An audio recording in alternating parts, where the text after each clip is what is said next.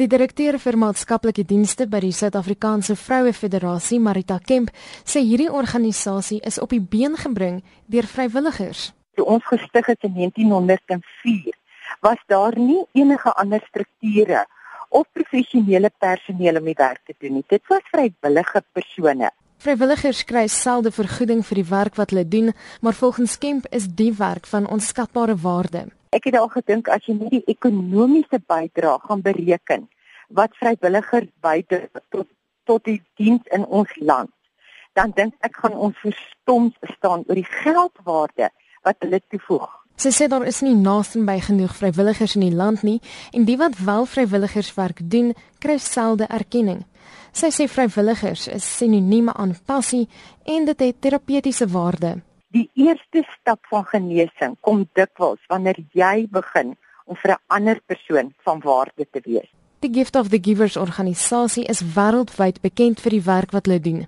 Die stigter en voorsitter, Imtiaz Suliman, sê vrywilligers is die hartklop van die organisasie. Those volunteers actually carry the name of the organization and the name of the country because the type of service they do and the skills that they come with make a huge difference to the people we are serving. Hulle betaal soms vir hoogs gespesialiseerde vrywilligers se verblyf en vervoer, maar volgens hom kry hulle teenkanting omdat vrywilligers selfs dit nie wil aanvaar nie. They want to pay their own way to come. And when I say no, we don't operate like that. We pay all your costs.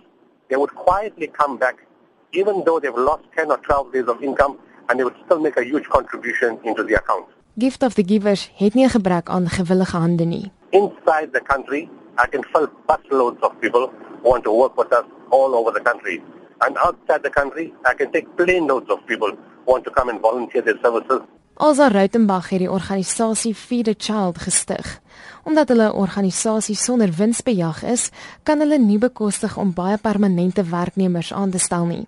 Tog sien die organisasie daagliks om na 10000 huishoudings. Ek dink nie 'n tipe organisasie soos ons sou ooit kan sê ons het genoeg nie want jy weet ons altyd ekstra wat gedoen moet word. Sy sê baie mense begin as vrywilligers, maar kan dit nie volhou nie.